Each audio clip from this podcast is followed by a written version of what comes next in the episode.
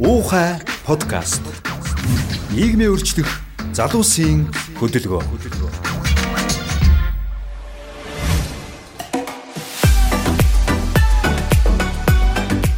За сайн байцгаана уу? Уухай подкастын 7 дахь дугаар эхлэхэд бэлэн боллоо. Өнөөдрийн дугаарын сэдэв маань brain gain, brain drain гэсэн сэдвтэй байгаа. За энэ үгнүүдийн утга учир бол brain drain гэдгийг нь бол тархины гоожилт гэдэг үгт махчиж орчуулвал ерөнхийдөө бол босролтой хөдөлмөрийн насны иргэд маань гадагшаа явах тий сууш хөдөлгөөнийг хэлээд байгаа. А нөгөө эсрэг утга нь болохоор brain gain буюу гадаадад өндөр босрол эзэмшсэн мэрэгчтэй болсон иргэд маань буцаж ирэх хөдөлгөөнийг бол brain gain гэдэг байгаа. Энэ сэдвийн дагуу өнөөдөр зочдыг өрсөн байгаа. За өнөөдрийн зочд маань бол сангийн дэд сайд Хөрлөбаатарын Булган ТV маань хөрөлцөн ирсэн байгаа. Сайн уу булгаа? Сайн байна уу. За манай нөгөө зочин бол Хилийн чандах монголчуудын зөвлөл төрийн бас байгууллагын нарийн бичгийн дарга амар төрийн дэлгөөн хөрөлцөн ирсэн байна. За сайн байна уу дэлгөөн? Сайн байна уу. За тэгээ мэдээж манай хамтран хөтлөгч ардсан эмгтээчүүдийн холбооны тэргүүн дэд ерөнхийлөгч Батбаярын жаргалан хөрөлцөн байна. За сайн ажааги. Сайн уу? Сайн уу? Сайн байна уу? Сайн байна уу? За өнөөдрийн сэдв ярьсан болох шалтгаан бол мэдээж бол иргэд маань бол сонсогчд маань бол бүгдээрээ мэдж байгаа гадагшаа их явах хөдөлгөөн бас нэгдэж байна. Аа солонгосчууд лөө залуучууд маань ялангуяа тэг хөдөлмөрийн насны эд хөдөлмөрийн насны залуучууд маань гадагшаа их явж байна. Энийг бас санаа зовж байгаа иргэд маань бүгд хөндлөлтөй ярьж байна. Аа ийм байгаа учраас энэ сэдвийг бол ярилцъя гэж бодсон юм аа. Аа ярианда эхний асуулт асуухаас өмнө нэг эдэн тойлчих гэж бодлоо энэ бол за хичнээн яг Монгол иргэд гадаадд амьдарч байгаа юм бэ гэдэг тоо статистик. За гадаад харилцааны яамны тоогоор бол 175 мянган иргэн Монгол улсын иргэн одоо гадаадд амьдарч байгаа юм байна. За энэ бол мэдээж гацсан газараас 5 мянган иргэн гэхэлэр дандаа хөдөлмөрийн насны хүмүүс байгаа тий баг. Энд бол ихтэй яг нөгөө юу гэж магадгүй хөдөлмөрийн насны биш гэж магадгүй нөгөө аа яг гэрүүлээрээ хүүхдүүдтэйгээ бас явж байгаа. Хүүхдүүд эндсэн тоорж байгаа бах. Тий, тий. А гэхдээ бол энэ бол яг азан газар сөгж байгаа тоо боловч бодит байдал дээр бол энэ тоо бол нэлээд энэс илүү байгаа болов гэж бас боддог. Тэр нь бол за бараг 5 250 мянган Монгол иргэдийн гадаад амьдарч байгаа юм шүү гэсэн зүгээр бас албанд бас тоо байдаг аа. За бараг л тухайн амын 10% хүрэх гэдэг шүү дээ. Яг үнэ тийм. Энэ бас мэдээж бол бас улс их орны аюулгүй байдалтаас нөлөөлөх хэмжээний тоонд хүрсэн байж магадгүй мө гэсэн бас бодол байна. Тийм утгаараа эхний асуултыг нь нас долгионоос асуу гэж бодлоо. За хилийн чандах монголчуудын зөвлөл бол гадаадад үйл ажиллагаа явуулж байгаа. Монгол иргэдийн сайн дурын үндсэн дээр байгуулсан холбоодууд Монгол хэлний сургалтын төвүүд нийлсэн нийлээдийн байгуулсан энэ зөвлөл гэдэг. Ерөнхийдөө бол гадаад амьдарч байгаа энэ за 200 175 мянган уу 250 мянган энэ иргэдийг бол төлөөлдөг хамгийн том байгууллагын нарийн бичгийн даргын хувьд яагаад ер нь бас нэг залуу хүний хувьд олгоноос асуу гэж бодлоо. За ер нь бол ер нь сүүлийн залуучууд маань яагаад энэ гадагшаа явах ийм сонирхол их болцсон юм бэ? Ийм гадагшаа явах одоо хөдөлгөөн их болцсон юм бэ гэдгийг нь долгоноос асуу гэж бодож байна. За сайн байцгаана уу. Тэгээд подкаст сонсож байгаа бүх хүмүүстээ энэ өдрийн мэндийг хүргэе. За тэгээд саяны асуултанд болохоор ерөнхийдөө залуучуудын төлөөлөл гэдэг утгаараа тэгээд өөрийн зүгээс одоо харсан ажиглаж байгаа ажиглалт маань болохоор ерөнхийдөө нэгдүгээр болохоор дөрвөн шалтгаан байна гэж боддог. Залуучууд одоо хөдөлмөрийн насны залуучууд их хэмжээгээр гадаад руу одоо явж байгаа энэ шуурга үүний шалтгаан. За нэгдүгээр болохоор яг өөрийнхөө ирээдүйг тодорхойлцсон. Одоо энэ нарийн мэрэгчлэр аль улсад одоо аль сургуульд суралцаад төгсөөд одоо эх орондоо ирээд эх орныхоо тухайн одоо хөгжилд тий тухайн салбартаа хэрхэн одоо одоо өөрийнхөө үр нөлөөг өгөх гэсэн тийм юугаа тодорхойлцсон юм хэсэг хүмүүс байгаа. А хоёрдугаар болохоор аа ерөнхийдөө Монголд бол одоо цалин маш бага байна. Тэгээ нийгэм маш их стресстэй. Тэгээ ерөнхийдөө нэлээд улс төржилтөө бол хатсан тийм байдалтай байгаа. Тэгэхээр залуучууд ерөнхийдөө энэс одоо дайжж байгаа гэсэн маягтай тий. Болж л үгүй гадагшаа гарья гэсэн нэг юм одоо сэтгэл зүй яваад байна. За 3 дугаарт юу гэхээр юу гэж харж байна гэхээр ерөнхийдөө гадагшаа одоо ерөөсө гарч лээвэл болоо гэсэн бас хүмүүс байгаа. Гадагшаа гарчлан бол миний амьдрал сайхан болно тий би хийх ёстой амьдралдаа хийх ёстой зүйлийнхаа чухал зүйлийг би одоо хийнэ гэсэн юм бодол бас нэлээд зөнхлөөд байна гэж харж байгаа. За тэгээд хамгийн сүүлийн шалтгаан юу гэж харж байгаа гэхээр ерөнхийдөө ажилгүйдэл гэж байгаа. Тэгэхээр бол энэ залуучууд маань зөвхөн одоо сурах биш те гадагшаа гараад өөрийнхөө тодорхой хэмжээний санхүүгийн одоо бэрхшээлээ даван тул зэгцлээ гэсэн нэг юм бас бодол байна уу гэж хараад байгаа. Тий. За тэгэхээр цалин мөнгөтэй холбоотой асуудлууд байж гин ажилгүйдэлтэй холбоотой асуудлууд байж гин. За мэдээж нөгөө төгөр бас боловсрол эзэмших гэж их явж байгаа тийм ээ. Яг хаа дотооддоо бас боловсролын систем маань ямар байгаа гэлээ. Тэгэхээр гадаад дээд боловсрол эзэмшүүл сайн гэж бодонгуудаа Монголд ирээд тэнгууд яг тэрэндээ тохирсон цалин өстэй ажил орохгүй ч гэж олдохгүй ч гэдэг юм уу тиймэрхүү асуудлууд бол байгаад байгаа. За тэгэхээр энэ дээр булгаагаас бас асуумаар байна л да. За чивэл нөгөө brain gain-ийн бас нэг жишээ шүү дээ тийм биз дээ тий. Одоо гадаад боловсрол эзэмшсэн. За тэгээ гадаад тус тодорхой ажил хөтөлбөр эрхэлж исэн. Гэлээ гэхдээ чи Монголдоо ирээд тийм ээ тэр хөтөлбөр хувийн компаниас эхлээд ажлын гараагаа эхлээд ингээ явсан. Чиний туршлага дээр ер нь ямар одоо яг хувь хүний хувьд бол ямар мотивац байсан бэ? Надад бол дай үнэлэхэд бид нарыг би ч одоо бакалавраасаа авахулаад ерөнхийдөө бол гадаадд сурч исэн хай скулд ч гэсэн. Тэгээ би бол боддтой 90-ад оны онд байдаг юм уу? Гадаад ингээ гарсан хүмүүсийг хараад 90-ад онд гарсан, 2000 онд гарсан, за 2010 он гаргаад гарсан хүмүүсийн хооронд аюу том ялгаа байгаад. 90-ад оны үед бол гарсан хүмүүст бол үнэхээр Монгол угаасаа хүнд байсан. Тэгээд энэ хугацаанаас хойш зарим одоо Монголдоо ч ирээгүй хүмүүс байгаа шүү дээ. За тэр хүмүүс бол одоо хүртэл Монголд ямар их өөрчлөлт шинжилэлт боломж болцоо бас нэг баг хараагүй За тэгээд дээрэс нэмээд хүмүүсээс нэг мэрсэрд сонсож जैन хэвлэл мэдээлэлээс мэдээлэл авахаараа яг үнэ хэлэхэд өнөөдөр бол гадаад нэг вебсайтуудаас сошиалос уншихад бол Монголд ерөөсөө болж байгаа юм байхгүй юм шиг. Тэг ингээл ерөөсөө тэр чигээр авилгал тэр чигээр улс төр тэр чигээр ядуур байна гэсэн ийм имижтэй бас байгаад байдаг. А тэгээ өнөөдөр магадгүй боломжтой болцоотой ажилтаа төрөлтэй байна гэх юм бол тэг ингээд баг байр авч явах юм бол авилгалаар авсан юм шүү гэдэг хүртэл ийм юм ярьдаг болцсон. За 2000 10-ад оноос хойш одоо гадагшаа гарсан залуучууд бол арай өөр. Монголд бол бас боломж байна. Би бол сураад ирэх хэрэгтэй байна, мэдлэг эзэмших хэрэгтэй байна гэсэн тийм хүсэл эрмэлзэл ба. За миний харж байгаагаар залуучууд мэдээж энээс гадна бас нэг нэг Монголд ирж чадахгүй байгаа нэг шалтгаан их юм бол ялангуяа маш нарийн мэрэгжил эзэмшсэн өөрийнхөө мэрэгжилтэй юм хүсэл эрмэлзэлтэй залуучуудад Монголд ирээд нөгөө профешнл тийм ингээд мэрэгжлийн хувьд өөрөө өөрийгөө хөгжүүлэх, сойрох тэр боломж олцсон бас их тутмаг. Аа тэгэхээр одоо энэ боломжийг бас нэг хангаж өгөхгүй бол одоо нэр үнэхээр л нарийн мэрэгжлэнтэй одоо тархины бис заслын ч гэдэг юм уу? Нарийн мэрэгжлийн үнийг өнөөдөр Монголд ирээд одоо ямар ажил хийх юм бэ те? Өнөөдөр одоо жишээл нийслэлийн иргэдийн хурлын төлөөлөгч байгалмаа гэдэг юм гэдэг Японд одоо AI-ыг за хэмэл оюун ухааныг эмнэлгийн техник тоног төхөөрөмжөд ашиглах талаар доктор хамгаалсан Харвард их сургуулийн ассистент профессор байсан эмэгтэй өндөр Монголд ирээд яг мэрэгчлэрээ ажиллах гэхээр ажил тэр хүнд олдохгүй байхгүй.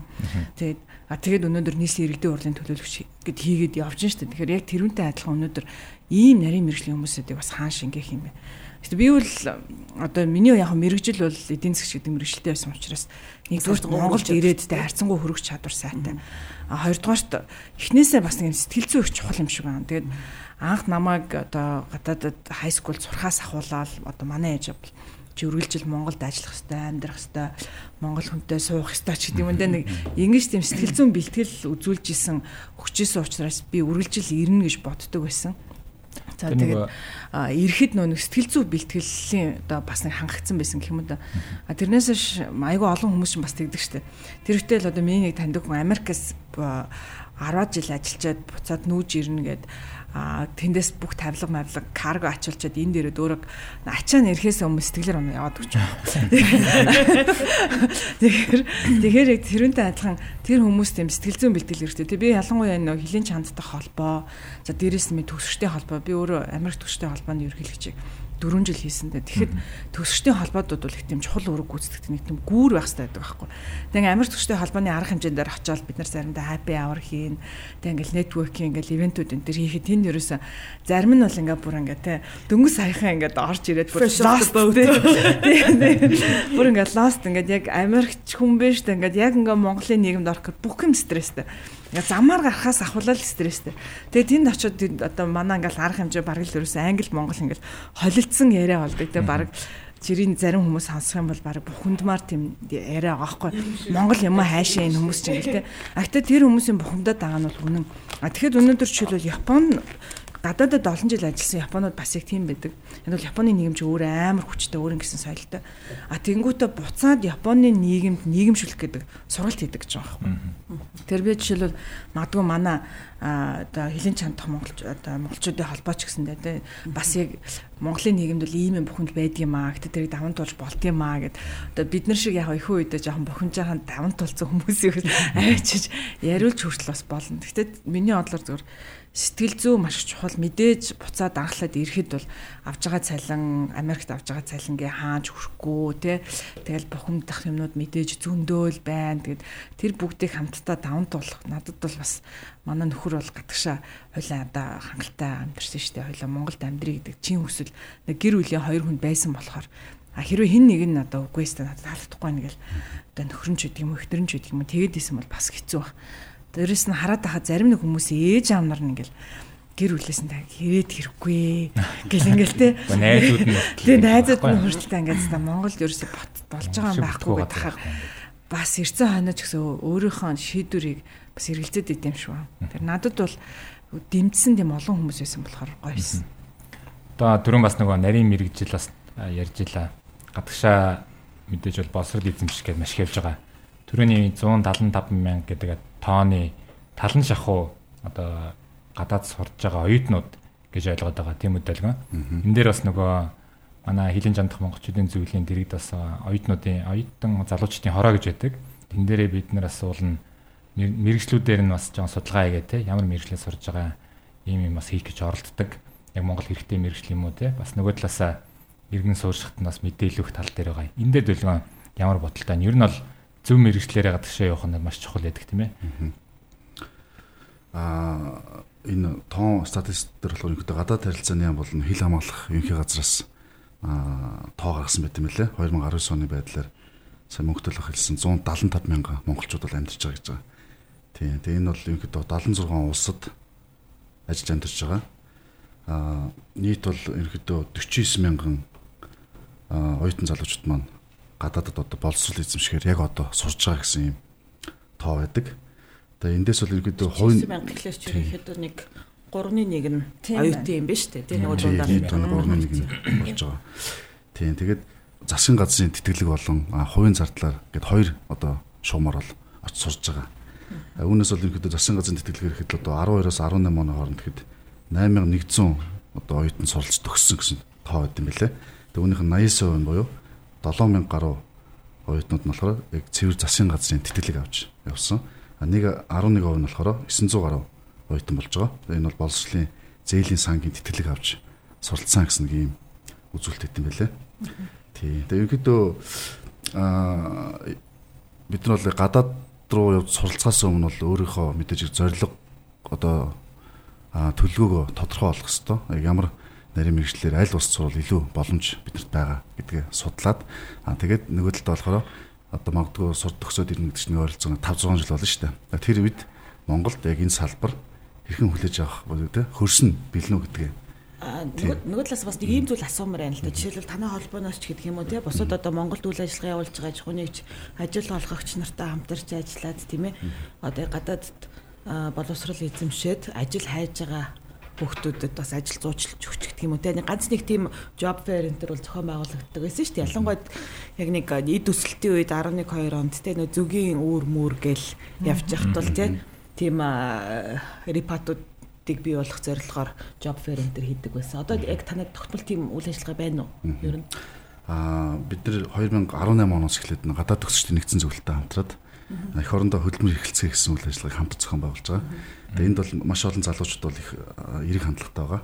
Ойролцоогоор бол 18 онд гэхэд бол 1100 гаруй оюутан залуучууд оролцоод түүнээс 510 510 орчим залуучууд бол ажлын байранд бүртгүүлээд 70 залуучуудыг ажилд орсон гэсэн тийм үр дүн байт юм байлээ. Тэгээ өнгөрсөн 19 онд болохоор 3500 гаруй ажлын нээлттэй байр санал болгосноос 1000 гаруй одоо гадаад төгсөн залуучууд хамрагдаад 1100 ажлын анкет бүгсэн гэсэн юм үрдэн байгаа. Тэгээ энийг бол бид нэр эх жил одоо энэ жилдээ эх жилгээд жил их тусам нэлээд чанаржуулж өргөн үрэтэ зохион байгуулахыг хүсэж байгаа. Тэгээ бас болж штэ тий. Тэгээ энэ нэг шүү дээ. Одоо энэ чинь Монгол зохион болгоход байгаа байхгүй. Гэтэл жишээлбэл би Америкт байж байгаад Монгол руу ирдэг ч юм билүү гэж бодчих болно. Гэтэл тэнд ямар ч job fair байхгүй. Монголын за яг эдийн засаг аягүй сайн байх үед одоо жишээл 2010 онд 11 онд Харин хэд сантын компаниуд бүр өөрснөө тийшээ яваад ингээ бүр хэд хантын хийгэлтэй. За тэнд Франкфуртод нэг тийм хүн байна гэн Америкийн тэнд нэг сайн хүн байна гэж бүр араас нь очиж офер тавьж хэд хантын хийдэг гэсэн. А одоо бол ингээд эдийн засаг ингээд таархан болонгууд юм Монголд зөндөө олон ингээд ажил хүссэн залуучууд байж хад гадаад руу хийхгүй байгаа байхгүй. Агтал цаанчин гадаадад аятайхан ажил байлуулсан орвол буцаад Монгол руу хүрээд ирүүл ирчмээр хүмүүс байгаад байдаг. Тэгэхээр би бол ялангуяа хэлийн чандтайх энэ монголчуудын холбоо за дээрээс нь мод Монголын элчин сайдын хамтаа энэ хамтраад энэ нэг гадаадд бас зохион байгуулах хэрэгтэй. Тэгээ ихэнх үедээ шууд мэдээ сонсоод нэг тийм ажил байна гингүүтэл гүгд ирэхгүй гэж болно те. А гэтээ ямар ч байсан оо энэ ч Монголд бас гайгүй ажил байгаа юм байна. Тэ ингээд намайг явах юм бол үнэлэх юм байна. А тэ ингээд би ч бас Монголдо очиход намайг ингээд хүлээгээд авах нийгэм байгаа юм байна гэдэг тийм ядаж нэг орчил болгож тий. болгох болох энэ дээр бол Одоо хүртэл нэг тийм Skype bar конференс хийдэг мэдих соёлчин манад ер нь л байхгүй л ах шүү дээ. Яг үнэхээр интервью Ядаж нэг LinkedIn дээр л ч юм уу те эхний ээлж нэг захимаар хийгээд те тэгээд чинь одоогоор бас нэг энэ зорилгоор маань хилийн жандах монголчуудын зөвлөл бас а, гадаадад одоо сурж байгаа оюутнуудын дунд бас чуулга уулзлууд идэг тийм ээ бас одоо энэ жил хэд удаага ихж байгаа юм. Энэ талаараас мэдээлэл өгвөл бас зүгээр хаа. Аа за. Аа манай уламжлалт үйл ажиллагаа гэж явдаг. Аа оюутан залуучдын чуулга уулздаг. Ерөнхийдөө бид нар болохоор жил болгон өөр улсад өөр хотод хий гэсэн юм зорилготой хийж байгаа. Данх бол хятадын Бээжин хотоос эхлээд Сөүл, Токио, за тэгээд Оросын Москва, тэгээд өнгөрсөн 19 онд болохоор Унгарийн Будапешт хотод зохион байгуулсан. Тэгээд энэ жил бид нар Туркийн Стамбул хотоос хийхээр төлөвлөж байгаа. Тэгээд ингээ гадаад дээр хийж байгаа нь болохоор аа ерөөдөө тэнд байгаа залуучууд маань яг юу хүсэж, юу зорж байгаа бас ямар төвшөнд байгаа гэдэг талаар а нөгөө талаас болохоор Монголоос одоо бид нар баг гаргаж явдаг. Тэгээ Монголд байгаа буюу гадаад төсөд Монголд ирсэн байгаа залуучдын төлөөлж одоо ингэж явж байна. Тэгээ Монгол бол ерөөдөө одоо тий та бүхэн хүлээж авахд ийм юм байдалтай гэдэг талаараа тодорхой хэмжээний салбар хүртэл мэдээлэл өгчдөг. Тэгэхээр ингээ харилцсан бас бие биентэй ингээ туршлага солилцох бас гой боломж бас гардаг. Тэрийг заавал бид гадаад хийдэг байгаа. Хичнээн хамрагдах уу? Арга хэмжээнээс. Тий, ер нь бол ойролцоогоор бол нэг 15 улсын за нэг 250-аас нь 300 оюутан тогтмол оролцож байгаа. Тийм тэгэхээр энэ дээр ч гэсэндээ бас сайд антруудтай ч юм уу. Яг Хамтарч ажиллаад Монголын аж ахуйн хамтраад хамтарч тийм ажиллаад тэгж бол боломжтой л юм байна те. Энийг сонсож байгаа хүмүүс байх юм бол ажлын байраа бол тийг санал болгож болох нь шүү дээ. Аа тэгээ яг нөгөөдөөр бас нэг ийм асуудал зүгээр бодогдоод байна л да. Яаж ийм гэхээр ах монголчууд бид нар угаасаа нэг боловсролд бас маш их ач холбогдол өгдөг те. Өмнөх дугаар дээр ч гэсэндээ энэ талаар ярьж илаа. А тэнгуүтээ боловсролд бол маш их одоо орлогынхоо нэлээ их өндөр хувийг зарцуулдаг. А тэнгуүтээ одоо өнгөрсөн одоо 30 жилийн түүхэнд гэхэд л одоо жишээлбэл яг хүүхдүүдэд гадаадд өндөр боловсрол эзэмшүүлэхийн төлөө тийм ээ. За хувьяасаа одоо юу гэдгийг зардал гаргаад явж исэн тэр гэрүүлүүдийн зарлага за дээрэс нь одоо ингээд янз бүрийн тэтгэлэг хөтөлбөр тийм ээ. Одоо ингээд нөгөө боловсролын зээлийн сангийн ч гэх юм уу. Те тэр бүх зардлууд. Тэнгүүд яг яаж ийнэ гэхэлэр нөгөө хүүхдүүд чинь гадаад үлдээд тахлаар тэр чинь ингээл ерөнхийдөө ингээд тийм манай эдийн засгт ямар ч одоо юу гэдэг ач холбогдлого тийм зарцуулалт бол- болчиход байгаа байхгүй. Тэгэхээр энэ боловсрол эзэмхэх гэж гадаад явах нь бол мэдээч хэрэг нэг одоо сайн одоо давуу тал бол ихтэй. Энийг бол мэдээж бас тодорхой хэмжээнд өгшүүлээд энэ төр явах нь зөв баг. А нөгөө талаасаа түрүүн бас нэг ийм зүйл яригдчихлаа л да. Яг бид нар тий одоо юу гэдгийг 100 хүн гадаадад тий одоо өндөр үнэтэй тийм э, сургууль сурах зардлаар тийм ээ магадгүй 10 профессор авчираад тий Монголын одоо тий юу гэдэг нэг ихтэй сургуулийг бас нэлээ өндөр түвшний тий тэр одоо тэр нөгөө дэлхийн топ. Одоо нөгөө ядч нэг мянгад орж чадахгүй нэг гэдэг ч тий Азийн топ 100-аа ч юм орох түвшинд аваач хөгжүүлэх бас боломж байгаа тий тэгээ тэр утгаараа бол ингээд нөгөө Монголдоос өндөр одоо дэлхийн хэмжээний боловсрал эзэмших одоо э, боломжийг бол одоо өнгөрсөн хугацаанд бас төдийлөн бас хийж чадсангүй юу ч гэх юм. Тэр ихтгэл одоо нөгөө нэг манай одоо одоо э, монголчуудаас дэлхийн бас өндөр то- том сургууль одоо өндөр зэрэглэлийн том сургуулиудад багшилж байгаа хүмүүс бас аягүй байгаа ш тийм үү. Заавал гадаад багш нар гэлтгүүгээр тийм үү. Тэ тэгэл одоо жишээ нь Харвард хэдэн хүн байна те одоо юу гэдгийг Англид хичнээн хүн байна, Оксфорд хэдэн хүн байна тэр гэл ярьдаг шүү дээ. Энэ тал дээр юу нэг гэж бодож байна. Бол тулгаа Харин би бас яг энэ дээр санал нэг байна. Аа ер нь л яг монголчууд аа, гадаадад явж сурж байгаа нь их байгаа ч гэсэндээ нөгөө талаараа яг л одоо муйс чинь 3400 ортогч гэлээ тий. Тэгэхээр гэтэл муйс ч одоо Монголдо баг номер 1 л байгаа шүү дээ тий. Тэгэхээр гэтэл өнөөдөр яг үнийг хэлэхэд одоо манай муйс дөрөлж а гадаадын том том сургуулиудад доктор хамгаалсан багш нар бол зөндөө байна. А гэхдээ багш нар ганцхан сайтай байлаа гэдэг энэ бас биш юм байна. Тэ олон улсын боловсролын стандартыг чанар стандартыг хэмждэг үзүүлэлтүүд дээр энэ бол бас хангалттай биш байгаа. Тэгэхээр бид нар мэдээж маш их хөрөнгө оруулалтуудыг өөрөө ирэхгүй хийх ёстой. Магадгүй дээд боловсрал гэдэг юм өнөөдөр Америк дээр ч гэсэндээ ерөнхийлөгчийн сонгуулийн гол ярьж байгаа сэдвийн нэг болчихж штэ. Тэгэд дээд боловсрал амар үнэтэй болчлаа. Одоо Америкийн хүн хэр баргийн хүн эзэмшиж чадахгүй нь Америкийн дээд боловсролыг хятадууд ирж эзэмшээд байна. Сар ажиллаад зээлийн. Тий, тэгээ зээлийн төлж чадахгүй байна. Одоо бакалавра төгсгөд 200 мянган долларын өртөө төгсөөд тэгээ ахаад төгсөнгүүтээ ахаад байрны одоо ипотекийн зээл аваад тэ ингээ машины зээл аваад ингээд одоо Америк өрөө төсөөр агаад бүх амьдралыг дуусаад тэгээд насанд тэтгэврт гарсныхаа дараа буцаад одоо байраа буцаад банкнд өгөөд намайг өгөхөөс арай өмнөх миний байрыг аваарай гэдэг хүртэл ийм схем рүү орж шít. Тэгэхээр Америкууд хүртэл дэд боловсрал маш хүнтэй болчиход байна гэж энэ ярьж байгаа цаг үед бид нар яг мэдээж Монголын яг үнэхээр Монголын дээлэг боловсролч одоо баг цэцэрлэгийн үнэтэй адилхан болчиход шүү дээ. Тийм үстэй. А гэхдээ эсвэл үнэхээр дэд боловсралтаа анхаарна гэх юм бол улсаас илүү татаас өгөх юм. Татвар төлөгчд энэн дээр окей байгаа уу? За хэрвээ татвар төлөгчд энэн дээр окей за бид нэр татварынхаа мөнгнөөс иршээ дэд боловсрал мөнгө хаяа гэх юм бол тэгвэл чанар стандартыг илүү анхаарал л да. Ийм олон зөвхөн улсын сургууль байх ёстой юм уу? Чиглэлийг нарийсгах ёстой юм уу те? Жишээл Америкт зарим мэрэгчлүүдээр бол тэтгэлэг хэр баргийн олдохгүй. За MBA, MBA гэдэг юм манай сургуулийн хууль мөлийг бол зөвөр уучлаарай чи зээлээ аваад төгсөөл гэдэг байхгүй. Яг үл чи төгсөөл чи наад мөнгө нэг юм 2 жилийн дотор олчноо тий. А гэтэл зарим мэрэгчлүүд бол нийгэмд үр дүнтэй. Тэгсэн мөртлөө нөгөөх нь одоо тэтгэлэг одоо магадгүй мөнгө нэг тийм шууд олдгүй салбарууд ч үт юм. Тэгээ би зүгээр бодоод одоо ингээд хэдийгээр гадаад залуучууд маш яваад байгаа гэж байгаа боловч бид нар нэгдүгürt мэрэгжлийг нь улам нарийсах хэрэгтэй а жил болгон боловсролын яамнаас жишээлбэл салбарын яам болгоноос танаа чиглэлээр ямар хүмүүс засгийн газрын тэтгэлгээр бэлтүүл зүгээр вэ гэдэг юм санал авдаг байхгүй. Манай яам бол нэг их санал өгдөг. Яг бол манай яамны одоо санхүү эдийн засгийн хүмүүс үл хангалттай хангалттай байгаа байхгүй тий. А гэтэл улс өөртөө яг нэн чухал хэрэгцээтэй байгаа зарим нэг мэрэгчлүүд жишээлбэл тусгай хэрэгцээт боловсрал тий. Хөдөө аж ахуйн чиглэлээр тийм биз дээ. Музейн барилгын тийм эксперт байхгүй шүү дээ. Хүн хүүхдээ ингээд юуг нь мөнгөний төлөөд миний хүү одоо хөгжлийн бэрхшээлтэй хүүхдүүдтэй ажиллах тусгай хэрэгцээт боловсрлоор бакалавраар төгсөөд ирээ гэж явуулдаг байхгүй баг. Тэгэхээр тэрүүнийг бол улс л өөрөө бэлтгээсээр арга байхгүй нийгмийн чиглэлийн нарийн мэрийн хэрэгшлүүдийг. Тэгэхээр одоо ингээ хараад хахад магадгүй энэ засгийн газрын тэтгэлгийг нэгдүгürt улам их нарийсгах хэрэгтэй. Хоёрдугаарт нэлээд нарийн мэрэгчлэр бэлдээд ирсэн хүмүүсээ буцаад ирээд ажлын байраар хангах хэрэгтэй. Одоо зарим нь бол яг үнэлэхэд засгийн газрын тэтгэлгээр явчаад ирээд засгийн газрыг авахгүй шүү дээ. Надвал тэр ажлын байраа аль хэдийн өөр хүн авцсан сууж байгаа байхгүй тий. Тэгэхээр өөр хүн авцсан эсвэл нөгөө ажлын байр нь угаасаа нэг тийм чухал ажлын байраар бодлохоор дэмжээгүй бэлдээгүй учраас тэр нь ирээд нээх их хэрэггүй байгаад. Бүрийн засгийн газрын хоорондын тэтгэлүүд байдаг тийм манай засгийн газрын өөрсдийнх нь тэтгэлүүд байдаг. Ийм бас жишээнүүд бас нөгөө миний эргэн тойронд бас байдаг л та. Мэдээж бол нөгөө дээд босрал магистр доктор 2 3 4 жил сураад эрэхт нь уул нь тэр ажлын байр нь байж ах хэрэгтэй байтал тэр ажлын байр нь байхгүй болсон байдаг дарамж байхгүй болсон байсан. Тэр баг аюул байгуулган ч байхгүй байсан магадгүй тийм янз бүрийн хуучин болон төрөмжлөлт компаниуд янз бүрийн нэрийн мэрэгчлүүд те одоо инженерүүд дуулахын инженерүүд яваад ирэнгүүт нь ингээд орон тоон байхгүй болсон тохиолдол маш их байдаг те. Дээрэс нь бас нэг манай дутагдaltaа тал нь байж магадгүй гэж ойлгодог нь засгийн газрын хоорондын тэтгэлхүүд нөгөө нэг манай талаас манад ийм мэрэгжлийн хүмүүс хэрэгтэй байна гэдгийг нь бас манай талаас хүсэлт өгөөд яг тийм мэрэгчлүүдийн сургуулиудыг энэ нөгөө талын те гадаадын орны засгийн газар нас тийм одоо опшн өгөх тийм бас байдаггүй юм шиг байгаа. Магадгүй манай талаас нэг юм өндөр юм нэхэд ахлаар дургүй дурууцах болоо гэж одоо нэг ямар ч хамаагүй мэрэгчлэр ингээд явж лээвэл гэдэг утгаар нь байд юм болоо.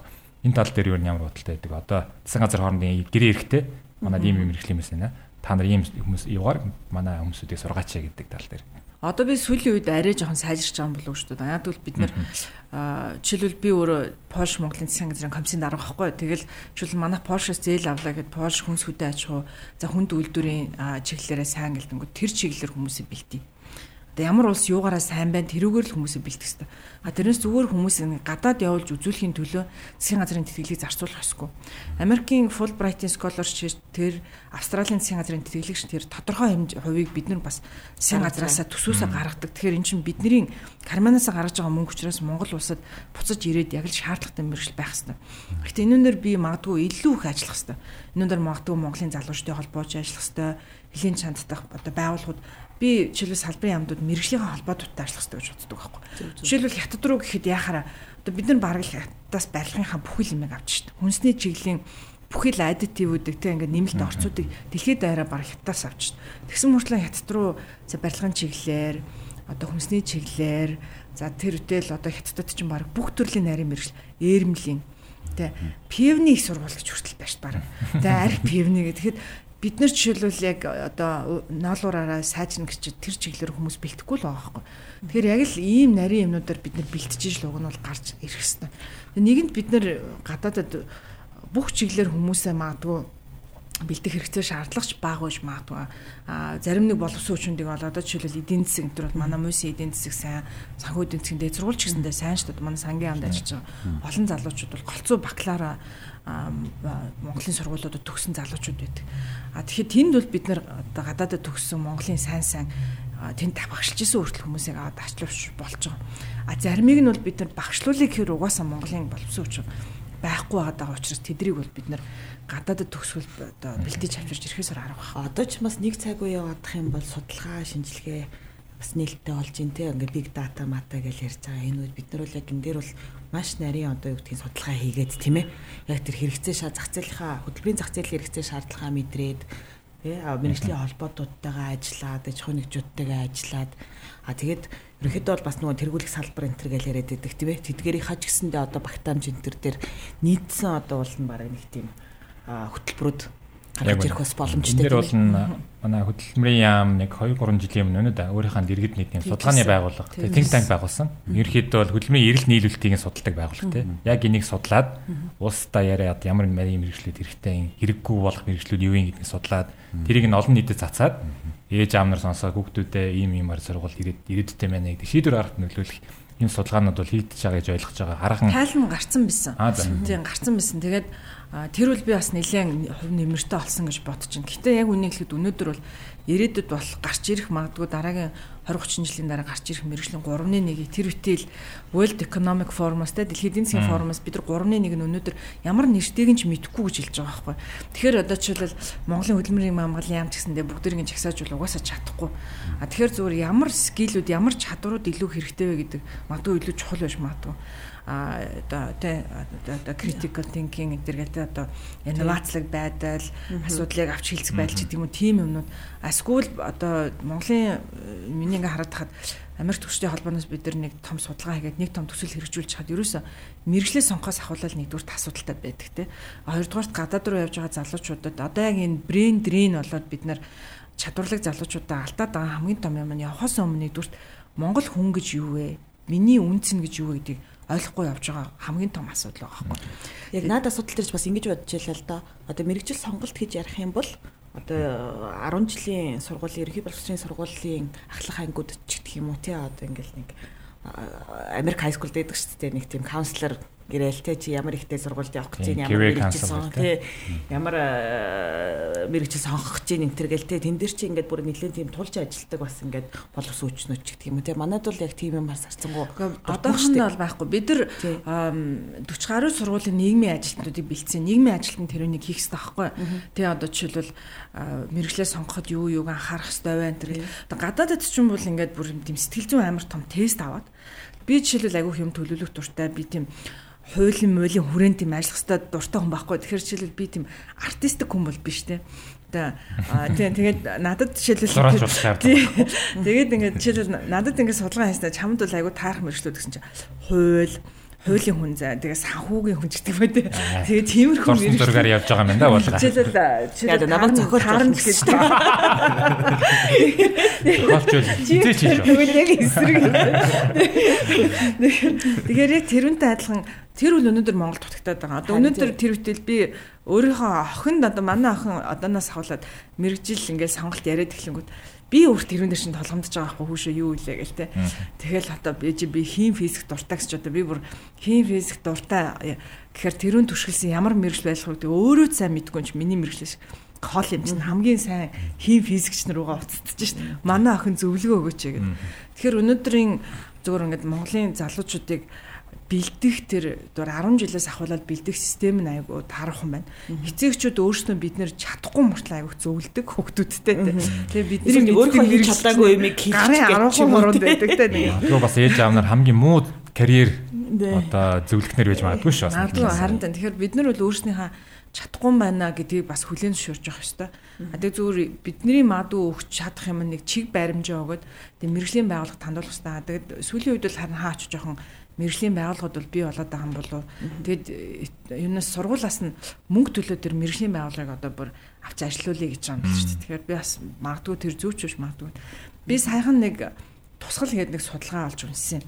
Аа Улаанбаатаргийн судалгааны хөрөлнгөөс гаргасан. Тэр бол яг үнийг хэлэхэд өнөөдрийн яг ярьж байгаа брэнд дрен гэдэгтэй айгу холбоотой. Би тэрнийг яг үнийг хэлэхэд уншаад сэтгэлээр унсан.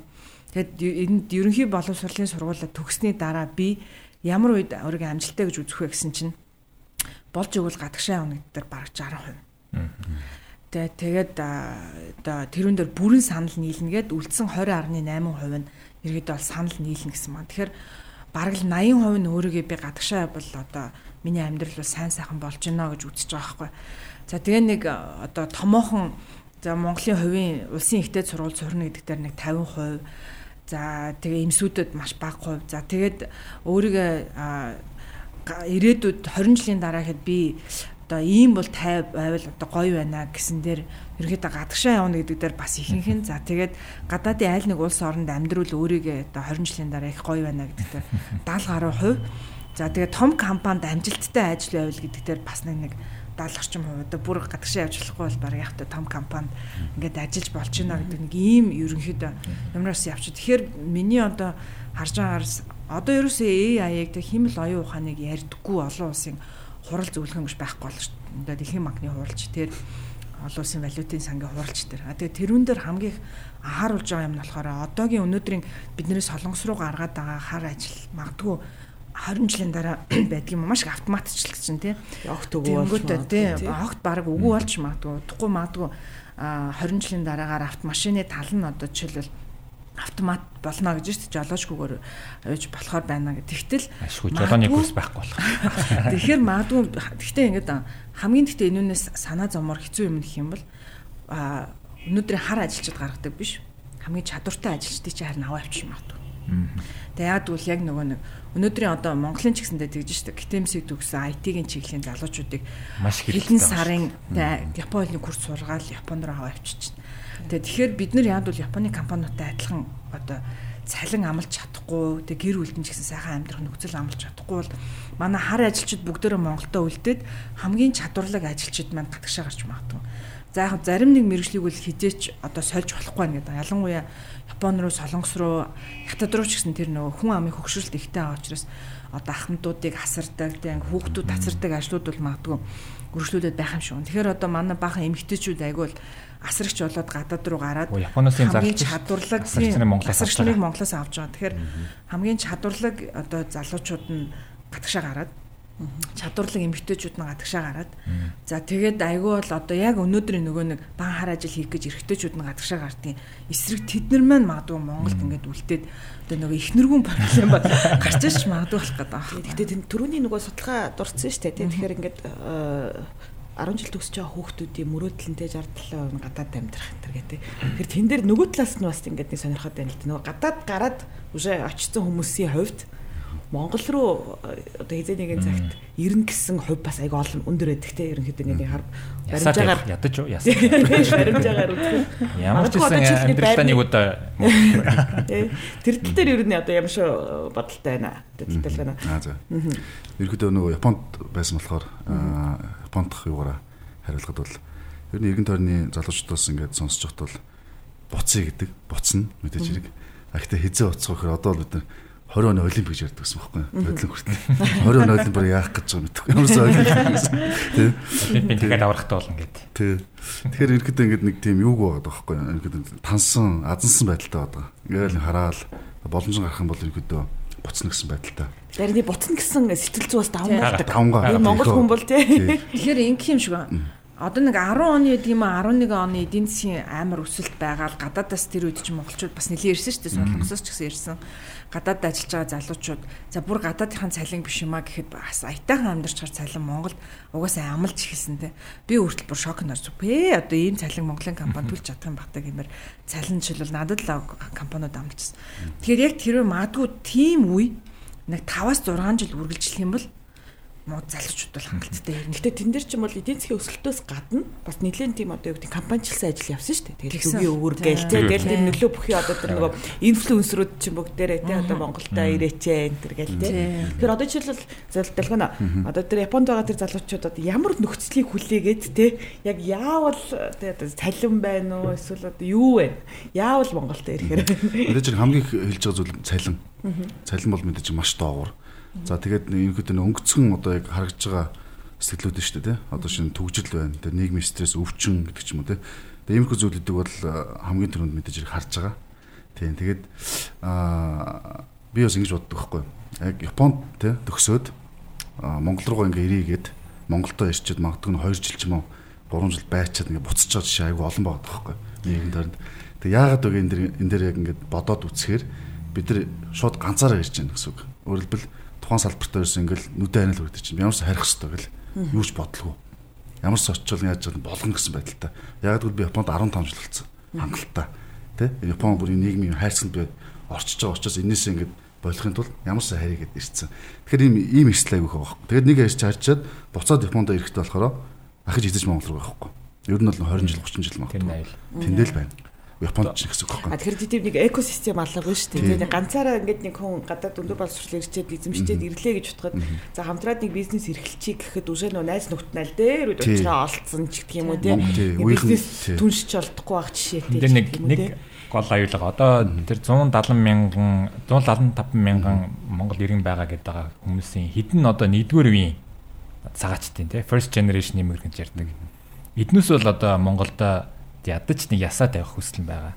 Одоо хамгийн аюул бол хоёр дахь генерашн буюу одоо хамгийн түрүүнд явчаад тэндээ хүүхдэд төрүүлээд эсвэл хүүхдээ багтан тийш аваачаад өсгцэн юм хүмүүсүүд хүүхдүүд нь болохоор за тэднээс өөр нэг тийм ядаж нэг ясаа тавих гэсэн нэг тийм болно их их байх бах те гол аюул энэ л байгаа шүү. Энд дээр бас манай гэхдээ манай төрийн зүгээс бол анхаарахгүй байгаа зүйл бол биш. Анхаарч байгаа. Аа Дэлхийн монголчуудад хөтөлбөр гэж байдаг. Монголын 2016 онд батлагдсан гадаад амьдарч байгаа монголчуудын зориулсан хөтөлбөр одоо зөвхөн үеийн дараагийн үе гэсэн үг л дээ. Энэ дээр бол зөвхөн одоо заах заавал ч шууд зөвхөн өрөөмийн хөтөлбөр магадгүй нэг алдаанд шууд зөвхөн Монголда бүгдээр ир гэдэг нэг ганцхан мессеж байсан. Аа дэлхийн монголчууд нь болохоор мэдээж ир гэж дуудаж байгаа. Гэхдээ тэндээ байхдаа бас Монголда хувь нэм оруулах хөрөнгө оруулалт гэдэг юм уу тийм эсвэл одоо хамтарч ажилтай бос л одоо юу гэдэг нь тийм ноу хауга шилжүүлэх тийм хөрөнгө оруулалт татах энэ чиглэл рүү явцсан байгаас нэг тал байна. Монгол хэл соёлын ч гэсэндээ тэр хүмүүстүүд нь сурах тийм маш том юм. Аюулгүй байдлын хэмжээнд зүрдсэн байгаа зүйл ш одоо. Хоёрдугаар генерашн хүүхдүүд бол монгол хэлгүй. Монгол хэлгүй бол монгол ирээд юу их юм тийм хизэж ирэхгүй л гэсэн үг байхгүй. Тэгэхээр харин тэр түрүүний долгионы дурддаг санаан дээр бол бас жоохон тогтмоор л да. Тэрний яаж нэг гэхээр яг ингээ хүн ганцаараа ингээ хүрээд ирэнгүүт ингээ нухтаж авч байгаа орчин бас айгу хамс байгаад байдаг. А гэтэл уул нь бол яг ийм репатууд л маш тийм одоо инновацлог бизнесүүд эхлүүлж байна тийм ээ. Одоо ийм гой гой шин шин ямар аль ч усан жишээ харахад хөгжсөн бол дандаа репатууд шин шин стартапууд бол дандаа л репатуудын одоо бүтээлүүд байгаа гэж тест тэнгүүд а яг ганцаараа үрээд ирчээд одоо юу гэдэг хамт олонгүй болчдөг те ангийнх нь найз нөхөд ч гэдэг юм уу те тийм хүрээлэлгүй community-гүй болчдөг бас нэг проблем байна те тэгэхээр нөгөө нэг юм хүмүүст бас нэг санаа өгөхөд тийм нэг репатуудад зориулсан coworking space ч гэх юм уу те нэг тиймэрхүү нэг инкубатор ч гэх юм уу тиймэрхүү юм бас байвал бас сонирхолтой байж болох юм тийм ээ. Яад вэ гэхэлэр ингээд нөгөө нэг яг ингээд хөлөө олохгүй ингээд нэг тийм далай тус сэлэх гээд нь шүү дээ тийм ээ. Тэгэхээр нэг тийм санаа. Яад вэ гэхэлэр магадгүй юм өндөр боловсрол эзэмшилсэн бас гадаад одоо олон жилийн туршлага хоригдлуулсан бас ноу хаутай хүмүүс ирээд зүгээр нэг цагийн одоо нэг ажил гэсээ илүү Тэгээ бизнес эхлүүлсэн энэ төр одоо тийм гой гой жишээнүүд өсцөндөө олон байна шүү дээ тийм ээ. Тэр бол ингээд бас тийм инспирэшнл түүхүүд яг үнэ. Хэдүүлээ бас одоо хангалттай гуттарлаа. Одоо хэдүүлээ жоохон эрг зүйлийг ярьцгаатай мэдээж бол brain drain бол мэдээж жоохон тийм pessimistic жоохон сэтгэл умаар сэтвэж магадгүй. Гэхдээ нөгөө талаасаа brain gain гэж юм гоё юм байгаа.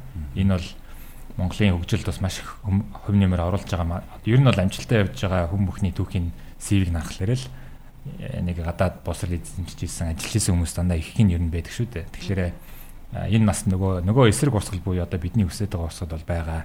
Энэ жишээнүүд бас ярьцгаая тийм ээ нөгөө бас булгаа төрийн ярьлаа Америк төгсөгчний холбоо ингээд дөнгөж ирсэн төгсөгчтэй хүлээж авч ингэж те эргэж нутагшуулах ийм ажлууд хийх хэрэгтэй бас нөгөө босол улсуудын төгсчтэй холбоо байгаа Япон төгсчтэй холбоо байна Хятад байна Оросч байна те. Маш олон төгсчтэй холбоонд бас энэ ажил дээр бол хийх хэрэгтэй баг. Суурийг бэлтэж өгөө зөвхөн энэ бол төрдөө найдаад өнгөж яаж болохгүй төрийн бодлого бас мэдээж бас богино хугацаатай байх талтай. А гэхдээ сайн дурын одоо төрийн бас байгууллага маань бол энийг бол өргөжлүүлээ авах бодолтой. Энэ дээр бас Жогамос юу яадаг штэ? Job fair хийдэг те. Жил болгон бас job fair хийдэг шүү таамдраад. Намаг нэрээ буцаж ирж яхад яг сургуулаа төгсөө буцаж ирж яхад асуулт самбар гэдэг байсан шүү дээ. Та нар мэдэж гинөө яадаг тэр чинь бүр 2000 маш тань сонсогдсон. Аа nee дунд үеийнхэд таны вебсайт тий асуулт самбар гэдэг тий асуулт цэг нэг тий. Тий. Nee форум багхгүй юу? Аа зингүүт яг ингээл тухайд энэ тэнд байгаа оюутнууд болохоор яг тэр нөө асуулт самбар дээр одоо янз бүрийн сэдвэр санал солилцоол тэгэл яхаа бүгдээрээ л энэ тэнд сурж исэн хөөхтөд тий тэгээд яг тэр миний хувьд бас айгуу тийм том юу болсон. Одоо юу гэдэг нь комьюнити үсгсэн Яг тэгэхээр яг л нэг үед ингээд гадаад сурж байгаа тэг яг нэг үед буцаж ирж таарсан. Тэгээд эрчингүүт бас би бинийг олж авч уулзч молзаал тий. Чи бүр 2000-ад оны дунд үеийн явдлахгүй. Тэгээ одоо ч гэсэндээ яг тэр манай асуулт самбарын хүмүүс үл энтэн тэгэл бас аяга амжилттай яваа тэгэл бас хаяа би биндээ тийм болдог аян асуулт их гэл тий. Нэг гих мэдчлэн тийм заавал ингээд бүр юм юу community биш ч гэсэндээ тий одоо тийм захин community төр хүртэл бас нэлээ үр дүнтэй үр нөлөөтэй байдаг шиг санагддгийн. Аа тэгэхээр Одоо нэг одоо танай үе дээр тийм юм байна уу? Одоо тийм кулки цаагуур цуглаж. Гэхдээ нэг репатритыг бас бид нэр 2 3 янз ангилахгүй болохгүй юм шиг. Яг бол за их сургуульд байдаг юм уу төгсөөд ирсэн хүмүүс бол бас нэг өөр тэг бид нар ядаж төгсөртэй холбоон дээр очиждаг байхгүй. Гэтэл тэнд чинь хар ажил хийж аваад ирсэн хүмүүс жишээлбэл зөндөө байна шүү дээ тийм үстэй. Асгуул бүр за хар ажил биш юм а гэд мэржлийн ажил хийж аваад ирсэн хүмүүс ч гэсэн зөндөө байгаа. Тэгэхээр тэр хүмүүс жишээлбэл хааш очих. Одоо жишээлбэл Японд би ажил хийж аваад ирлээ гэхэд би жугаа модоор очих юм уу те? Айгу хэцүү байхгүй тийм би ч гэсэн одоо Японд жил гараа багшилж исэн тэгэхээр одоо би би жугаамаг хол биш те? А тэгээд одоо жишээл өөр надад жишээл Японоос өөр газар явж байгааг бол би надад хариалагдах газар байхгүй болчиход байгаа байхгүй а гэтэл тэр хүмүүс чинь ч гэсэндээ яг л соёлын шок байгаа байхгүй бас л өөрхөн Монголын ингээл нийгэм буцаж орж ирэх гэж. Тэгэхээр яг энүүн дээр эсвэл одоо миний төгсөртэй холбоо биш юм а гэхэд энэ юу байх хэвээр юм уу одоо танаа хэлийн чанддах монголчуудын холбоо байх хэрэгтэй юм уу те тэрүүн дээр нэг харин гүр дутаад байна гэж бодод те магадгүй магадгүй. Түрүүн бас нөгөө булгаа жишээ ярьсан Японы жишээ те нөгөө Япон өөрсдөө ингээд нөгөө нэг олон жил гадаад байсан Япончууд эргэж ирэхлээр нэг нийгэмшүүлэлт нутагшуулах нийгэмшүүлэх нэг тийм нэг төрийн аппарат бол байх шиг байна тийм үү? Тийм сургалт энэ төр хийдэг гэж би сонсч байна тийм бол бас энийг бол заавч мэдээж бас төрөөсөө нэг байнгын юм шаардах шаардлагагаар бас нэг нэг байгууллагууд бас хамтран дийшээ болмоор санагдаж байна. Бас нэг давуу тал нь одоо гадаад төгсөгчтэй нэгдсэн зөвлөлгээд нэ одоо ингэ бид нэгдэх тийм хөдөлгөөнөд явж байна. Одоо булгагийн хэлдгээр зөвхөн оюутнууд биш ажил хийж байгаа хүмүүстээс тусалдаг. Ялангуяа одоо манай Солонгосоос ирж буцаж байгаа залуучууд бол магадгүй энэ дээр бас хамгийн одоо эрэлттэй тийм хэрэгтэй байгаа одоо иргэд нутагшуулах тийм сургалт юу байна тийм шаардлагатай баг тийм ээ. Тэгээд бас одоо дөрүүл одоо түрүүн репат гэж ярьсан репат гэдэг нь одоо ирж ирсэн хүмүүсүүдийг хэлдэг үг байгаа. Тэгээд дөрвөн репат сууж байгаа юм чинь нэр нь Монголд бас гоё репатуудын жишээнүүдээс ярьцгаая л да. Тэрийг бас дөрүүлээ өөртөөсөө эхлэе гэж бодож байна. Нэр би яагаад нөгөө Монгол руу явах шийдвэр гаргачаал ингээд сууж исэн чи тийм жишээ санаанд орчлоо л да. Тэгээ манай яг нөгөө төгс курст надад нэг багшилж исэн Бангладеш профессор айгуу мундаг профессор исэн тэгэл юу Harvard Oxford цэнтрт PhD хийсэн те. А тэнгуүтээ ингээд нөө намайг Монгол явлаа энэ төр гэдгийг манер сонсчоод бүр намайг олж авч уулзаад хүүшээ жаргалаа зяага явах гээд байгаа юм бэ. Ясаа ажил мажил болтохгүй байгаа юм уу? Би чамаа гэстэй те. Ингээд ийш тийшээ рекомендгүй гүй ажил мажил ингээд байна. Зүгээр би нөө Монгол гэрлүүгэл харимаар байгаа энэ төр гэсэн. Чи Нью-Йоркт ирчээд те. Тэгээ Нью-Йоркоос чи тэгээ Монгол руу яваад тахтай. Тэгээ би одоо ингээд Бангладешийн юунд Дака руу явахгүй мохгүй энэ төр бүр нэг бөө тийм боллоо. Миний төлөө чи бүр супер санаа тавиал энэ тэр алуу. Тэгсэн чи манай тэр багш айгүй нэттэй. Ийм айгу дөөр дөөрөнд айгу дуртай хүн байсан байхгүй. Тэгээ бид тэр бас яг тэрүүгээрээ жоохон холбогдчих холбогдоод нэг хамт дөөрмөр үзэх нь олгүй юм болоо. Тэнгүүт чи одоо эн чинь ингээл бараг те Нью-Йоркт ингээл хамгийн супер шилдэг дуучдыг сонсч олж штэ нэ тэр гэж. Тэгэхээр нөгөө багш бид нэг юм хэлээ зэ. Манай Монголд Улаанбаатар те манайх дуурийн театртай те. Манайд бол юм одоо бүх гой гой те одоо дөөрөө тавигддаг. Тэгээд тэгэл нэ тэр тэр тэр үлстэй нэрэ амарч асуудал ахгүй. Ер нь бол Монгол бол биш Улаанбаатар бол яг тийм космополитен те тийм олон хүмүүс байдаг чанараараа Нью-Йоркт айгүй ойролцоо Тэ тэгэхээр тийм урлаг соёлын ч гэсэн айгүй баялаг ертөнцтэй нэтрэл ярьжсэн аахгүй. Тэр тэр бол үнэн шүү дээ. Тийм ээ. Улаанбаатар бол бас маш тийм одоо үрмөц цот байхгүй. Тэгэл хаа газрын хүмүүстэй ингээд уулзч бүх төрлийн хоол моол байдаг тийм. Тийм. Тэгээ дөөрүүл нэрэ бүр world class тийм үү. Тэрнээс чи хойшдог Амгаланбаатар, Маатар тий. Тэгэл нөгөө нөхдөд. Амбаатар тий. Тийм. Гарлаа шүү дээ тий. А тэнгуүтэ гих мэдчихлээ Тэгэхээр яг нэг тиймэрхүү одоо нэг бас нэг зүйлүүд бас Монгол руу айгүйх татдаг штеп. Ер нь бол тийм ээ одоо ингээд нэг аа урлаг ч гэх юм уу эсвэл зүгээр ингээд Монгол соёлтлоо хүртэл санаад Тэгээ би бол нэг тийм одоо юу гэдэг нэ их тавь өргөнчлөөгөр нэг алхахын центр гэж айгүйх боддог гэсэн хотоо аймаар сандаг ч тийм. Тэ зүгээр одоо энэ бол зүгээр нөгөө нэг юм цалин ажил энэ төр гэдгээс илүү зүгээр нэг тийм одоо юу гэдэг нөгөө софт юу аахгүй. Жаргалын маань хувьд тал ингээ боо эргэж ирэх шалтгаан бас мэдээж ингээ нутгаа санаа да. Их тайвны ерөн жилэгээ санаад дөөрэ санаад бас Монголда эргэж ирсэн юм байна. Долгионы хувьд бол бас ямар шалтгаанаар биднээсийг бодвол бас арай нас залуу юм байна. Бидний хувьд бол ээж аав нараа чи монголоо ярьж хөгжүүл гэдэг байсан үе магадгүй одоо энэ одоо одоогийн ээж аав нар одоо чи минийх одоо гадшаал яв гэдэг хандлагатай болцсон юм шиг байна Дэлгөөний үед ягаад одоо бас ямар мэрэгчлээс орж ив нисхийн инженерээс орж исэн гэсэн тий. Тэгээд Монголд ягаад ирэв? Нисхийн инженер бол Японд бол зөвлөл ажил болдог шүү дээ. Тий. Яг анх нөгөө Японд явахад бол би шинэ Монгол асуулт өгсөн. Тэгээ шинэ Монгол төгсчөөд аа тэр үуч нөгөө юу хөшөлтөө хүндэд байгууллагад шинэ нис хонгосон бодлон төсөлгээд батлагдсан байсан. Тэрийг хараад ерөнхийдөө би энд ирээд онгоцны одоо нисгчээр ажиллах хэрэгтэй байна гэдэг өөрөө мөрөөдлөнд дагуу анх Японд явжсэн. Тийм тэгээд ерөөдөө очиод хэлний хэлтгэлээ төгсөөд яг ерөөсөө онгоц онгоц онгоц гэсэн юугаараа явсараа л ерөөсөө тэгээд нисгийн актанд ороод нисгийн инженерийг төгссөн. Аа бүтэн зэрэгжилтийн одоо юутай байдалтай ингээд Япон одоо Японч ерөөдөө нисгийн яг энэ инженерийн салбартаа бол яг дэлхийд нэгт ордог маш чанга хатуу. Тэгээд тэр нийгэмд ингээд бас ингээд юунд орчинд бас сураад айгүй олон бас ингээд сурцсан. Тэгээд үргэлжлүүлээд хүн бол асууж байгаа. За өргөжлөж чи одоо яах вэ гэдэг. Тэгэхээр Япондоо ингээд бас инженерээр ажиллах уу? А нөгөө нэг Монголоос явахдаа мөрөдөл тээж явсан нисгчээр өргөжлүүлж явах уу гэдэг. Тэгээ нисгчээр явахын тулд одоо бас бүх одоо арга чарга одоо бүх боломжоор дайрчилж үтсэн. Тэгээд үнэхээр одоо юу гэдэг бараагүй. Тэгээд Японд гэж тий Японд ингээд төгсөөд харийг гэсэн бодолтой байж байгаа. Тэгээд одоо замынхаа дундаас ингээд бол чадаагүй мөрөдлөө бол биелүүлж. Ахтай бол би бас бас нэгэн мөрөдөл бол олсон гэж боддог. Тэрний үхээр машины одоо автомашины борлуулалтын тийм компанид би орж исэн. Ингээд Японд дэлхийд Япон машины борлуулалтаар нэгт ордог компани. Тэгээд тэнд ингээд ингээд орж ажиллаад бас нөгөө давхар бодолтой нөгөө чинь онгоц цус явуулдаг гэж байгаа байхгүй. Тэр бас нэг жоо онгоцтой нэг ойрхон бас нэг жоо ойрч гэж бодолтой орж исэн. Тэгээ ерөнхийдөө машины бол орсон.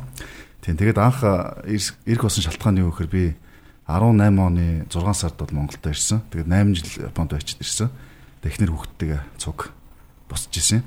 Тэгээ яагаад ирсэн шалтгаан юу гэхээр аа ерөнхийдөө Японд 3 жил ингээд нэг сайхан офст ажиллаад японочдод ажиллаж үзээд ерөнхийдөө нэг туршлага тодорхой юм хоригдлуулад за дараа нь юу гэхээс асуулт гарч ирсэн. Тэгэхээр одоо л би харих хэвээр хариад яах вэ гэхээр яг энэ салбартаа чи ингээд ажиллаж байгаа сэтгэл сэтгэл зориул явж байгаа бол Монголын одоо машины автомашины нэг дээ зах зээлд өөрийнхөө одоо бас нэг юу гэдгийг мөрөөдлөө биелүүлэх ёстой маа. Тэхийн тулд чи эх орондоо заавал ирэх ёстой гэдэг.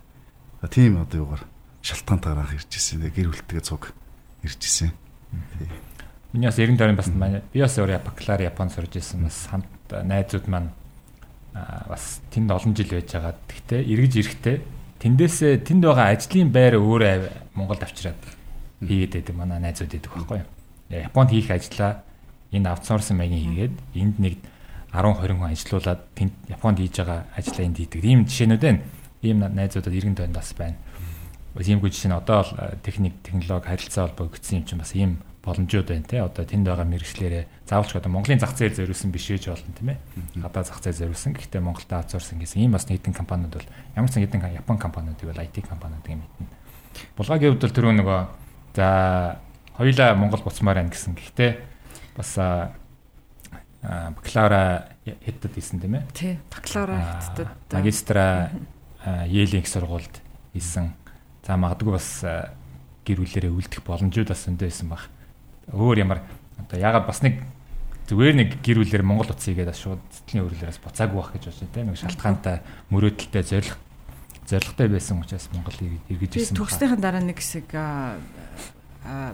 дэлхийн банкны төслүүд дээр зөвлөхөр ажилладаг гэсэн. Тэгээд голцоо хөгжиж байгаа орнуудын сангийн амнууд дээр нь очиж зөвлөхөр ажилладаг гэсэн аахгүй. Тэгээд тэгж авч явахдаа Монголоос манай нөхөр ямар сандаа нэг дайнд нэрвэгцэн хүүхдүүдийн тухай гэдэг календар үтсэн чи дандаа чиний явдаг улсуудын улсууд дээ штэ гэлтэй. Тэгээд ингээд Этиоп, Палестин, Зүүн Тимор энэ төр гэлтэй. Тэгээд яг тийм улсуудад очиод ажиллаж байхад үнэхээр бас нэг За бид нар бол яг нэг дунд хэсгээр байгаа юм байна. Тэрөө бид нар жоохон одоо хөгжлийн хувьд ч гэдэг дэлхийн улс орнуудын хувьд бид нар жоохон хичээх юм бол дээш гарах боломж байгаа юм байна. Хичээхгүй бол доошоо унаад одоо ийм улсууд дээр тийм төвшөнд очиод бол ойрхон байгаа даа байхгүй. Тэгээ бидний хажууд чинь ийм том улс орнууд хөгжөөд ята хятадд ямар байлаа намайг анх оюутан болоод очиход ямар байлаа одоо очиход ямар байна. Тэгээ энэ бүгдийг хараад би бол яг үнэхээр зөвөр өөрийгөө одоо Монголын хөгжилтөл хувь нэмэр оруулах хэрэгтэй л гэж л өөрөө өөртөө үүрэг дадлахаар өгвөл надад хамт ажиллаж байсан нэг гадаа зөвлөх чи солонгос уу гэдгсэн би үгүй би монгол штэ гэд би тэгэхэд зүүн тиморын сангийн ам зөвлөхөр ажиллаж гэсэн чинь Гүчи одоо энд ирж зүүн тиморыг хөгжүүлэх төлөө юугаа хийгээд байгаа. Чи ч одоо Монгол улстай очил чи илүү хэрэгтэй юм биш үү? Одоо зүүн тимор ч хамт одоо ер нь ямар хамаатай ингэж хэлчихсэн. Тэг тэг би нэрэлгүй би чи нэрэл очих хэвээр штэ. Тэ ягаад Монголын өнөөдөр 3.2 сая хүн амын нэг хүн өөрийгөө бид нар үргэлж бид нар бол далаад том тусал гэж бодож явах хэвээр.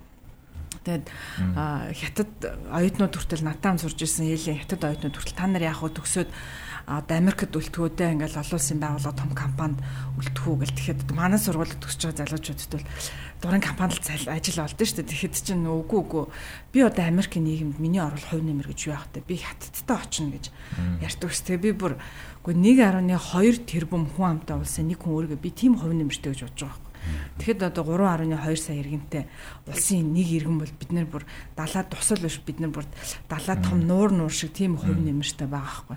Тэгээ би бол ялангуяа хүмүүсийг залуучуудыг нөгөө нэг төрийн төлөө огтон боож өгнө гэдэг үгнээс татгалзаарэ. Бид нар бол боож өгөх ёстой шүү. Яг надад чи бас үгцгээе гэж байна. Надад чи нэг зүйл санаанд орчлоо л да. Яаж нэ гэсэн чи би нэг а ямар хичээл лээ дэ мартчих. Тэнгүүтээ манай нэг Японы найз охин миний нөгөө лекцийн тэмдэглэлийг чи нэг төр зээлж байгаа чинь тэр гэл.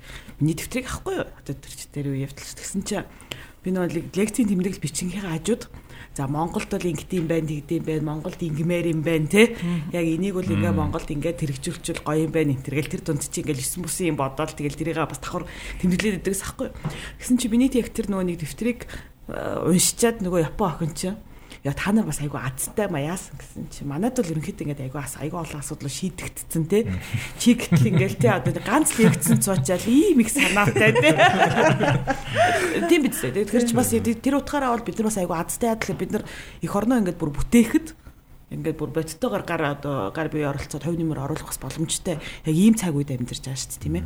А магадгүй бас тэр өндөр хөгжилтэй улс орнуудын хувьд бол тийм ээ. Зүгээр нэг эрг шураг болоод явна уу гэхээс биш те бас яг яг нэг бүтээх үйл явцдаар би оролцож чадж гэнэ үү гэдэг нэг бас асуулт. Сонирхолтой би бол одоо Монголд амьдрахад мэдээж хэцүү.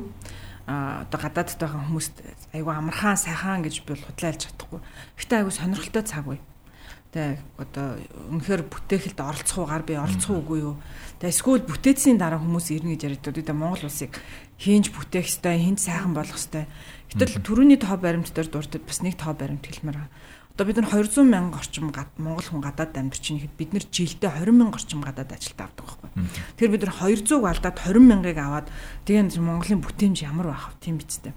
Гэтэл өнөөдөр жишээлбэл одоо Австрали өөрснийхөө эдийн засгийн өсөлтийг за нэг дотоодын инфляцийн өсөлт гэдгээс аль хэдийн дэлхийн улс орнууд чинь татгалцчихад шүү дээ. Япон гэхэд нэг 3P гэдгээр те participation оролцоо, population хүн ам, productivity бүтээмж гурваар жишээлбэл хэмжиж байгаа байхгүй.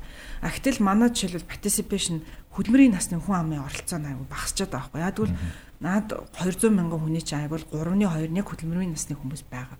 Тэгээ яг эд бүтээж байгаа магадгүй нэлээд мундаг чадвартай ажилсаг ийм хүмүүс өнөөдөр одоо гадаадад гараа яваад өгсөн байж те.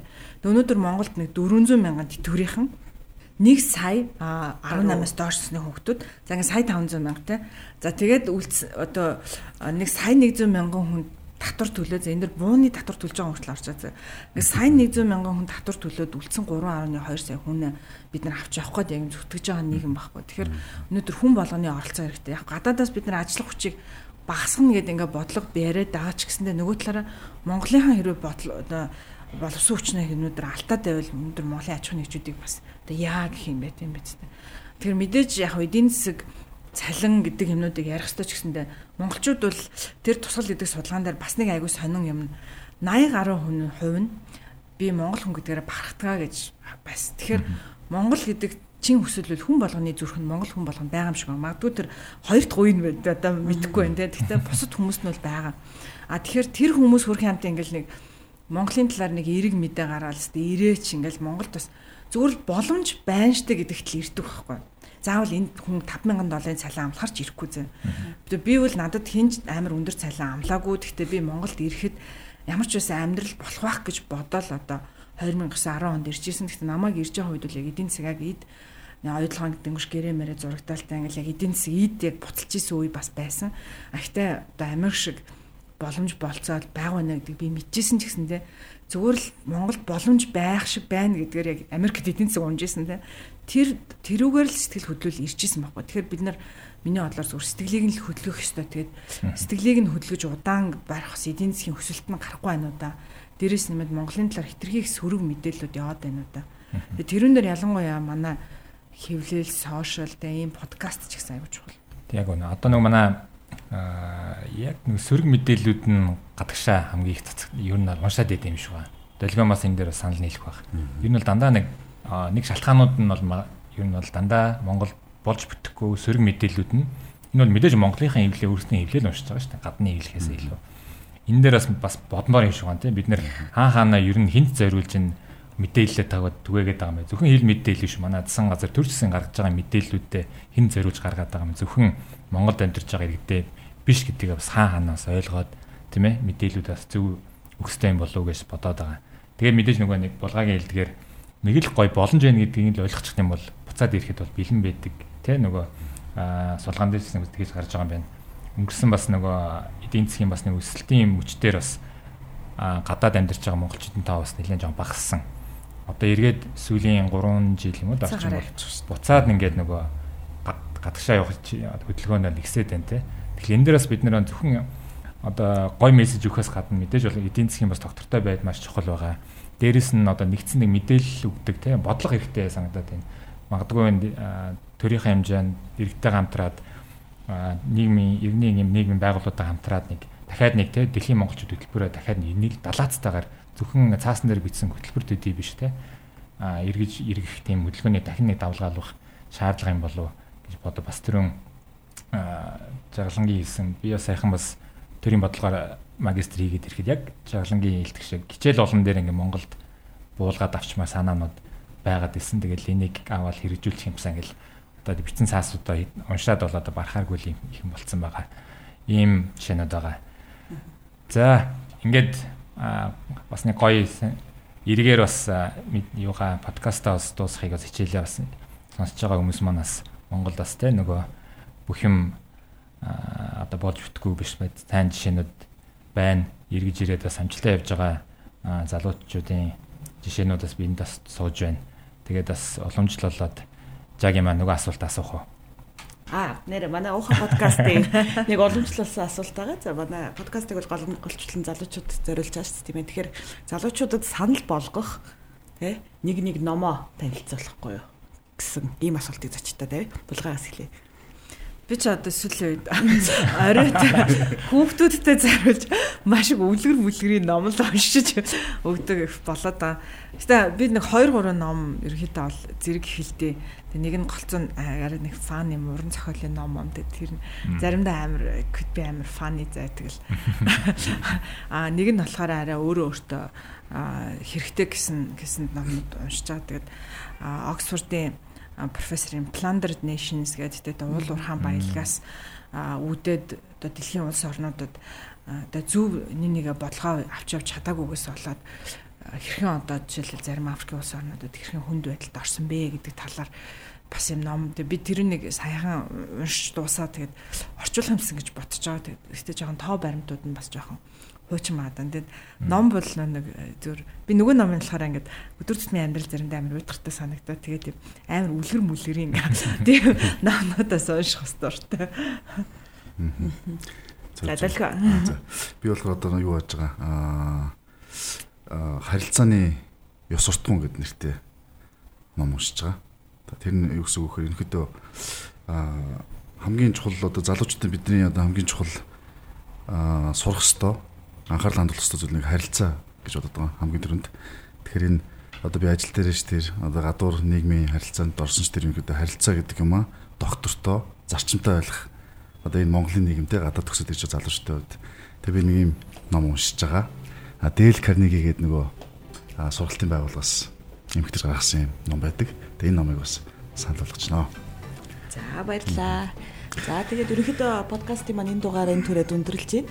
Тэг ямар ч байсан гэсэн яг энэ brain drain гэдэг сэдв дээр бол Монголд бол боломж бай байгаа. А түүнээс гадна монголчууд бид бүхэнд бас үүрэг байгаа гэдэг тийм л одоо гол поинттайгаар төгсөх шиг болж байна юм ээ. Тийм тэгэхээр нийт гадаадад суралцж байгаа хөтөлбөрлж байгаа залуучуудаа бол саяны үгийг хэлье. За тэгээд үргэлжлүүлсэн зочдтой баярлалаа. Дараагийн дугаар дугаараар уулзъя. Баяртай. Баяртай. Баяртай. Баяртай.